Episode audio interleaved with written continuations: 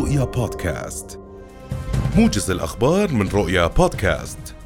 صدرت الإرادة الملكية السامية قبل قليل بترفيع سمو ولي العهد الأمير الحسين بن عبد الله الثاني إلى رتبة نقيب كما صدرت الإرادة الملكية السامية بتعيين كل من سعادة السيد مازن سميح دروزة وسعادة السيدة ريما نصيف بطشون وسعادة السيد جميل ثلج النمري أعضاء في مجلس الأعيان. اعتبارا من تاريخ اليوم.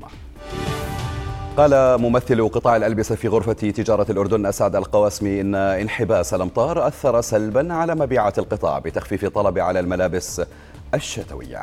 وأكد القواسمي أنه بسبب ارتفاع الضريبة والرسوم الجمركية تأثرت منافسة المنتج المنتج الأردني في الأسواق الخارجية.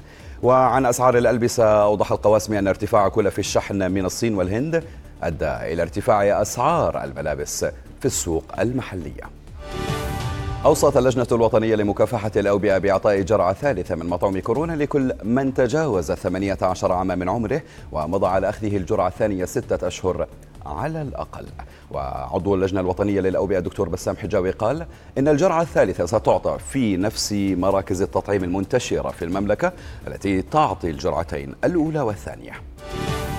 قال الخبير الاقتصادي المهندس موسى ساكت إن النمو الاقتصادي متواضع جدا في الأردن وتأثر خلال جائحة كورونا مشيرا إلى أن البطالة وصلت بين الشباب إلى 50%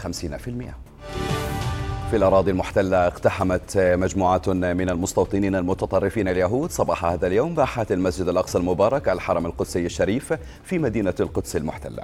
وشددت شرطة الاحتلال من إجراءاتها التضييقية على المصلين الوافدين إلى المسجد الأقصى عبر التدقيق في هوياتهم وحجز العديد منها وذلك لتأمين اقتحامات المستوطنين في ساحات الحرم الإبراهيمي الشريف الخارجية وملعب المدرسة الإبراهيمية في البلدة القديمة وفي ساحات المحكمة وأمامها إضافة إلى ساحات الحرم بالكامل لتأدية الطقوس التلمودية فيها.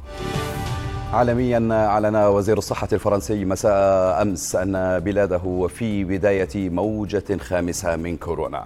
وأضاف أن عدة دول مجاورة تمر أيضا بموجة خامسة من الوباء مشيرا إلى أن انتشار الفيروس يتسارع.